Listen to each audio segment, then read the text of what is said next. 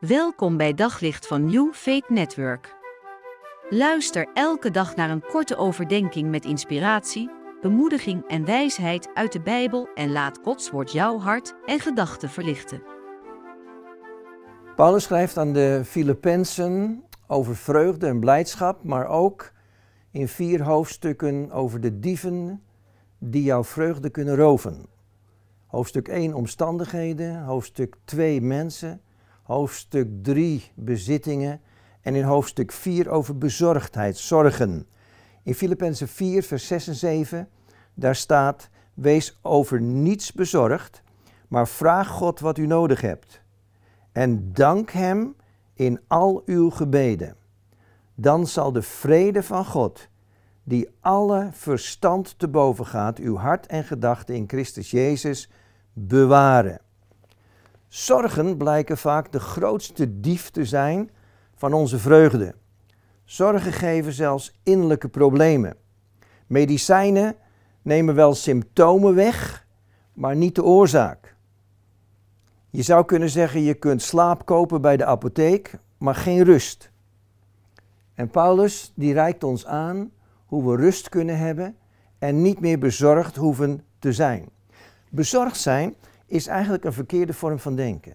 Zelfs een vorm van negatief denken.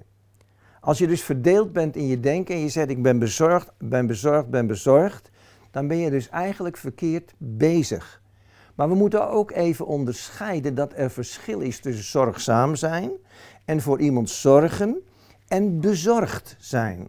Want bezorgd zijn, dat hoeft niet. En het middel wat Paulus aangeeft tegen bezorgdheid, dat noemt hij vrede. Hij zegt de vrede van God. Die zal je gedachten en je harten behoeden. En behoeden is hier letterlijk op wacht staan. Dus de vrede van God staat op wacht tegen de bezorgdheid waar jij door kunt worden aangevallen. En die vrede van God is er dus om je te beschermen. In deze wereld is er een groot, grote behoefte aan vrede. Er is zoveel oorlog, er is zoveel strijd. En als je dan uiteindelijk zo ver kunt komen dat de vrede van God in jouw hart is en ook je denken mag beheersen, dan zul je ontdekken dat dat een prachtig wapen is tegen bezorgdheid.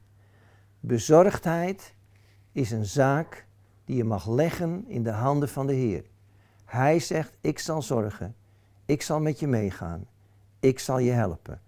En dat is wat Hij belooft en dus ook doet.